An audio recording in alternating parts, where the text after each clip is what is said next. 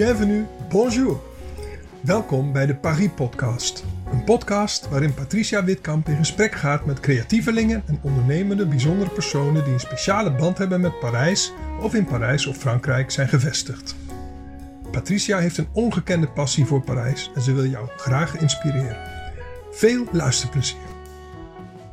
Deze maand is Willem Hooyaerts de gast in de Paris Podcast. Willem, welkom, bienvenue. Dankjewel, merci. Uh, hartstikke leuk om er te zijn. Um, ik ga je even introduceren voor de luisteraars. Mm -hmm. Willem Royaerts is sinds 1998 woonachtig in Parijs en heeft in 2004 samen met een zakenpartner 3R Consultants opgericht.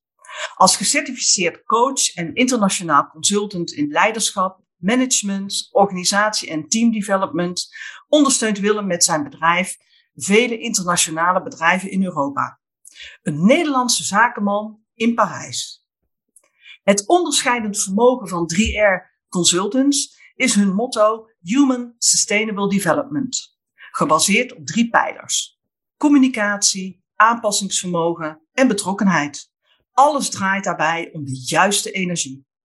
Vele consultants zijn aangesloten en maken het opleidings- en trainingsaanbod divers en de moeite waard. Willem, mijn eerste vraag eigenlijk aan al mijn gasten is: hoe ben jij in Parijs terechtgekomen?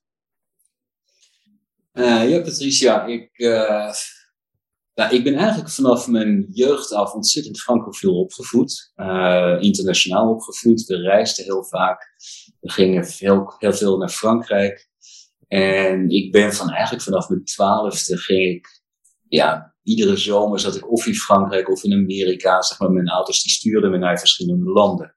Oh, leuk. En ja, het is hartstikke leuk werk. Ik heb toen ook meegewerkt in een, het heet een Association Rempart. Dat is het, um, het opzetten van het helpen bij oude uh, kastelen bijvoorbeeld of ziekenhuizen die dan, ja, die dan op, opnieuw gebouwd moesten worden. En dan zag je met, met, eigenlijk met alleen maar Fransen, uh, werkte je dan.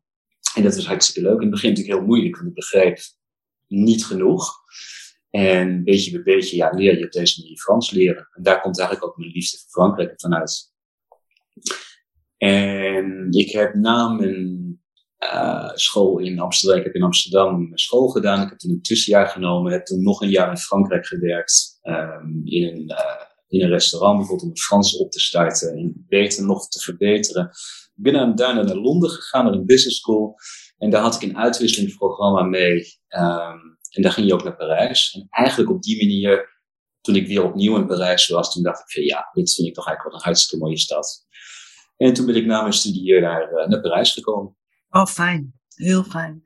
Um, nou, Willem, een bedrijf starten is sowieso een hele onderneming. Ik kan me voorstellen dat een bedrijf starten in Parijs nog wat ingewikkelder of gecompliceerder is. Um, kun jij iets vertellen over de totstandkoming?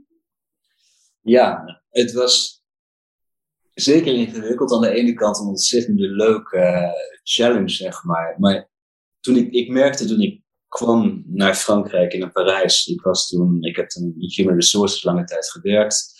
En wat ik merkte is dat ja, coaching en trainingsbureaus destijds niet erg internationaal georiënteerd waren. En dat er echt een behoefte was meer naar praktische mensgerichte training. Maar waar ik eigenlijk achter kwam, is dat niet zozeer het moeilijkste was als het vinden van klanten, maar was eigenlijk het oprichten en het registreren van het bedrijf. twintig jaar geleden bijvoorbeeld heb je helemaal, had je helemaal geen online formulieren. Je moest naar de verschillende instanties, naar de Kamer van Koophandel enzovoort enzovoort.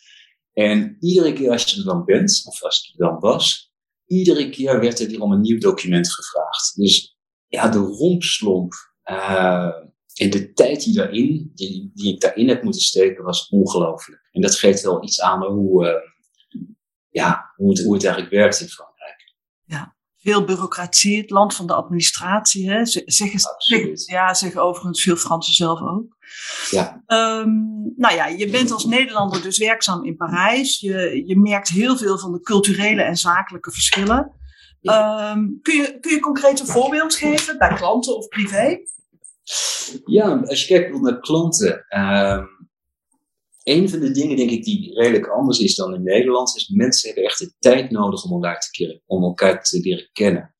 In de onderhandelingen bijvoorbeeld heb je echt tijd nodig. Het opbouwen van een trustrelatie is veel langer dan in Nederland. Je moet echt laten zien, bijvoorbeeld, hoe lang besta je al, met wie werk je, wat zijn je referenties. En ja, de kop koffie tussen haakjes in Nederland, hè, waar je. Wordt eigenlijk in Frankrijk meer een veel langere lunch, zou je zo kunnen zeggen. Je, eigenlijk ga je niet, je, kan niet meteen beginnen te onderhandelen. Wat je, wat je moet doen is eerst praten, elkaar een beetje ja, kennis met elkaar maken. Je gaat het hebben over eventueel waar je gestudeerd hebt. Um, het tussen haakjes filosoferen is belangrijk.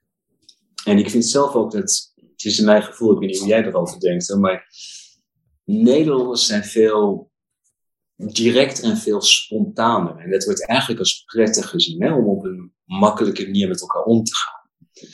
En dat is wel iets wat je merkt in Frankrijk, als je te spontaan bent uh, en te, ja... Te direct. Te direct, inderdaad. Dat wordt ook wel eens gezien als, als, als vreemd. ik denk ook bijvoorbeeld, ik heb een tijd geleden, een lange tijd geleden, ook een bilan competence gedaan. Ja. Om te kijken waar je dan, in wat voor bedrijven je zou willen werken. En in die, die, die consultant die zei tegen mij op een gegeven moment van ja, maar u glimlacht heel vaak. Dat moet je niet doen in Frankrijk. Dat wordt niet als serieus gezien.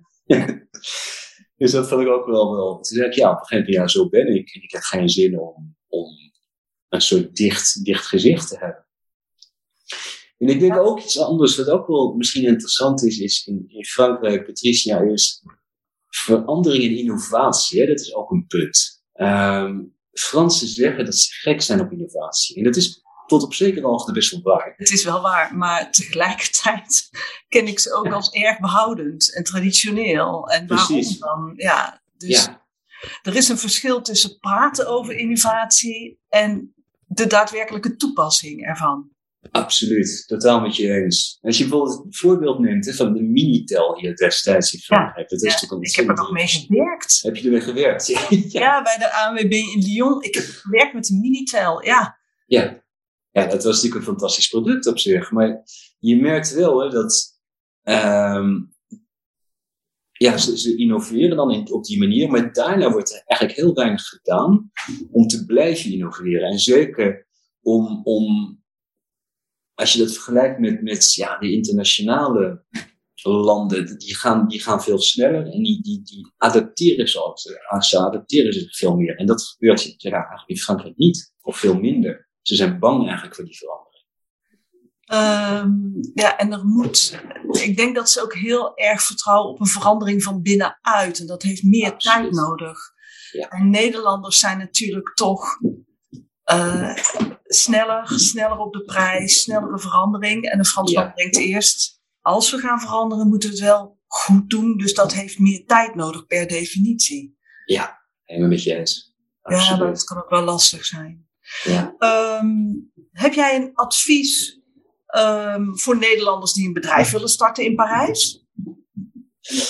Ja, ik zou zeggen, een van de dingen die heel belangrijk is om echt de cultuur te kennen. Dus wat ik zou doen, is ik zou met Franse entrepreneurs bijvoorbeeld gaan praten. Om eerst eens te kijken hoe, uh, hoe zien ze jouw product, hoe, um, hoe hebben zij hun bedrijf opgezet, wat zijn de pros en de cons. Um, ik denk ook heel belangrijk is, wees niet verbaasd over de, de rompslop in de administratie. Um, dat, hoort, dat hoort gewoon bij dit land. Het is, het, ja, het is niet altijd makkelijk hier. Ik denk dat het ook belangrijk is dat je de tijd neemt om, om het land te leren kennen, maar ook de, de, de manier waarop mensen werken. Fransen bijvoorbeeld houden zich heel, houden heel erg van, van wat ze noemen het debat. Dat is, dat is belangrijk voor ze.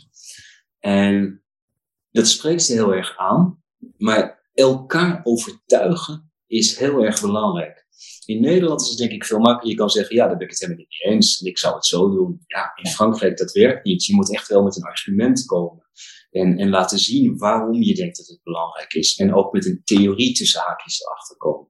Ja. Maar goed, het vak filosofie op school hebben wij niet. En, en uh, hebben uit als ik het uit mijn hoofd zeg, vanaf de college heb je dat in Frankrijk. Dus vanaf je twaalfde, dertiende. Absoluut. En dat scheelt zoveel in hoe je communiceert. Ja. Ehm, maar ik denk dat dat ook wel voor Nederlanders, zeker Nederlandse ondernemers in Frankrijk, erg lastig kan zijn. En dat ze dat ook niet begrijpen. En dat ze ook niet zo goed begrijpen dat iemand het niet met je eens kan zijn. Ja. Maar toch een goede relatie opbouwen. En Precies. misschien hele goede zaken kan doen. Zeer zeker. Absoluut. Ja, want hoe, hoe gaat dat dan als jij je trainingen gaat doen? Eh, Heb jij carte blanche? Want je komt bij een bedrijf binnen. Jij zegt ik wil die en die training. Kun je, kun je er iets meer over vertellen, Willem? Daar ben ik wel nieuwsgierig naar. Ja, ehm, als we komen inderdaad, wat we altijd doen, als we de eerste, zeg maar, de eerste klant hebben, we proberen eerst heel duidelijk uit te zoeken met wat is, wat hebben ze precies nodig. Mhm. En dat is wel interessant inderdaad, dat eigenlijk kom je dan op een painpoint uit. Iets wat je eigenlijk, wat werkt nog niet zo goed als je zou willen. Ja. En daar hebben ze heel vaak moeite mee om eigenlijk aan te geven, ja, dit werkt niet. Om, ja, voor hun is het dus bijna laten zien, eigenlijk werkt het niet, maar dat wil ik niet toegeven. Dus wij moeten op een, eigenlijk op een hele vriendelijke manier, een hele open manier, veel vragen stellen, ons echt ons gaan interesseren in het bedrijf.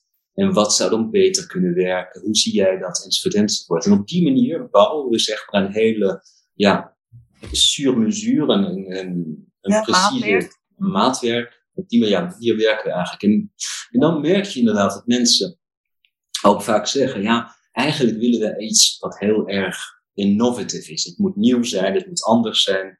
En als we dan met iets komen, dan we willen het coachen met paarden of we werken ook met, met, het Riets, het restaurant het Riets, voor leiderschap. Dus we zetten mensen in een keuken bijvoorbeeld en dan moeten ze samen, uh, moeten ze samen koken, maar onder een, in een hele bepaalde korte tijd.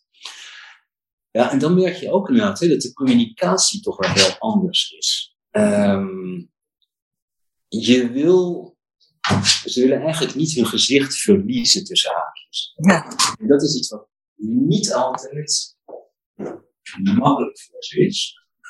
Maar wat ze wel achteraf gezien toch wel heel leuk vinden om in zo'n bepaalde situatie te komen. Dus ja, je hebt veel, we hebben veel empathie nodig, zeg maar. Ja. Uh, we moeten wel heel dynamiek zijn. Uh, en af en toe is het ook moeilijk een aantal mensen hun mening duidelijk uh, te laten uitspreken. Franse, ja, er zit toch wel die hiërarchie, ja, zit er heel duidelijk in. Ja. Dus je, je kijkt wel, ja, maar wat zou mijn manager denken als ik dit doe? Of wat zouden mijn collega's denken als ik dit doe? Ik denk dat de Nederlanders daar veel meer vinden. Die zeggen gewoon, ja, nee, we zijn het er eens, ik ben het niet eens. En zo is het gewoon. Dat je niet in Frankrijk. Ja, nou, sowieso komt een Nederlands management natuurlijk gelijk. Dit is onze hulpvraag. We willen dat je dat in drie weken kan veranderen op die en die manier. En dat is Ja. het. Dat is natuurlijk iets, iets totaal anders. Ja. Ehm, En ik denk ook iets, eh, wat ik af en toe aan denk, het woord râler. Ja? Het is, het uh, ik Ja. weet hoe je het in het Nederlands zegt, maar de Fransen zijn natuurlijk gek om, op, op, op het râler. Nou, mais ça va pas, mais c'est pas bien, c'est pas possible. En als je er doorheen kijkt, dan is het eigenlijk gewoon een manier om zich uit te drukken. Om, om de mensen zeggen eigenlijk, ja oké, dit is mijn manier om van me uit te drukken, kan je me hiermee helpen?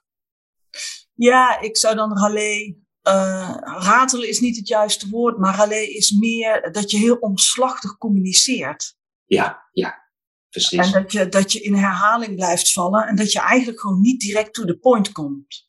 Precies. Ja. Ja. Nou, dat herken ik, want ik kom altijd heel snel to the point. Maar ik weet ook dat dat een hele grote valkuil is in Frankrijk.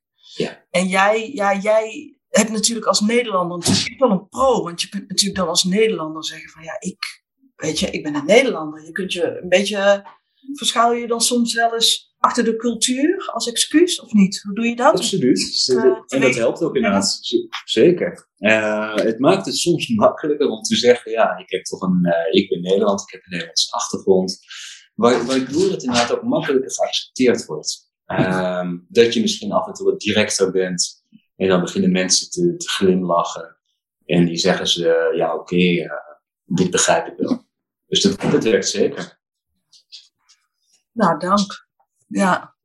Ja, ik wou zeggen, ik, ik, het schiet ineens in mijn hoofd. Je gaat wel naar de keuken van het rits, maar je gaat bijvoorbeeld niet daar in de bar zitten. Nee, nee. Dat is iets, dat is zeker nog dat, dat niet zou kunnen, helaas. Misschien voor, voor daarna. Ja, en dat zouden dan weer de Nederlanders doen in de bar. Precies. En niet een kookworkshop. Ja. Um, Willem, mijn laatste vraag aan je. Heb jij een bepaald thema of een levensmotto? Um, ja, mensen inspireren mij. Ik heb echt een passie om het beste in het mensen naar boven te halen en ervoor te zorgen dat ze hun talenten kunnen ontwikkelen. Ik word eigenlijk onwijs geïnspireerd in de toekomst en wat die zou kunnen zijn.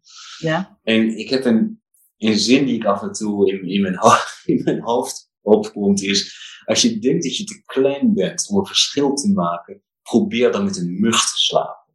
Oh jee, ja. Ah. En dan, ja, dan zie je hoeveel, hoeveel invloed we eigenlijk kunnen hebben. Of je nou klein bent of groot bent, of je bekend bent of niet bekend. Maar het geloven in je eigen kracht, dat is heel belangrijk. En als ik mensen in coaching heb, af en toe dan, ja, dan zeg ik ze vaak, ja, de weg naar succes is bezaaid met heel veel aantrekkelijke parkeerplaatsen. Maar wat is nou jouw keuze? Wil je parkeren? Wil je even, even gaan zitten? Of wil je toch weer op weg naar de weg van succes? En ja, geloof in je eigen kracht is ongelooflijk belangrijk. En, en veel plezier in hebben wat je doet. Dat is, dat is voor mij, uh, dat, is, dat, ja, dat stuurt me aan. Ja. dat straal je ook wel heel erg uit. Wij hebben geen voorgesprek gehad. Ik heb je vorige week uh, ja, een beetje overdonderd. Je zegt gelijk, ja hoor, leuk, ik wil in de podcast. En die, die energie, denk ik, die je aan anderen mee wil geven, ja, die, die heb je zelf ook echt, Willem. Dus dat vind ik heel fijn. Ja, dankjewel Patricia. Dat is, dat is goed om te horen. Je weet, ja, je, je weet natuurlijk nooit wie, wat je uitstraalt. Dat is moeilijk te zeggen voor jezelf. Maar uh, het is fijn om te horen, dankjewel. Het is met plezier om, uh, om dit te doen. Oké. Okay. leuk. Ik wil je danken voor, uh, voor deze podcast. En ik hoop je binnenkort snel in Parijs te mogen ontmoeten, Willem. Met plezier, Patricia. Tot snel. Merci. Dankjewel. Je t'en Dankjewel voor het luisteren naar deze Paris-podcast. A bientôt!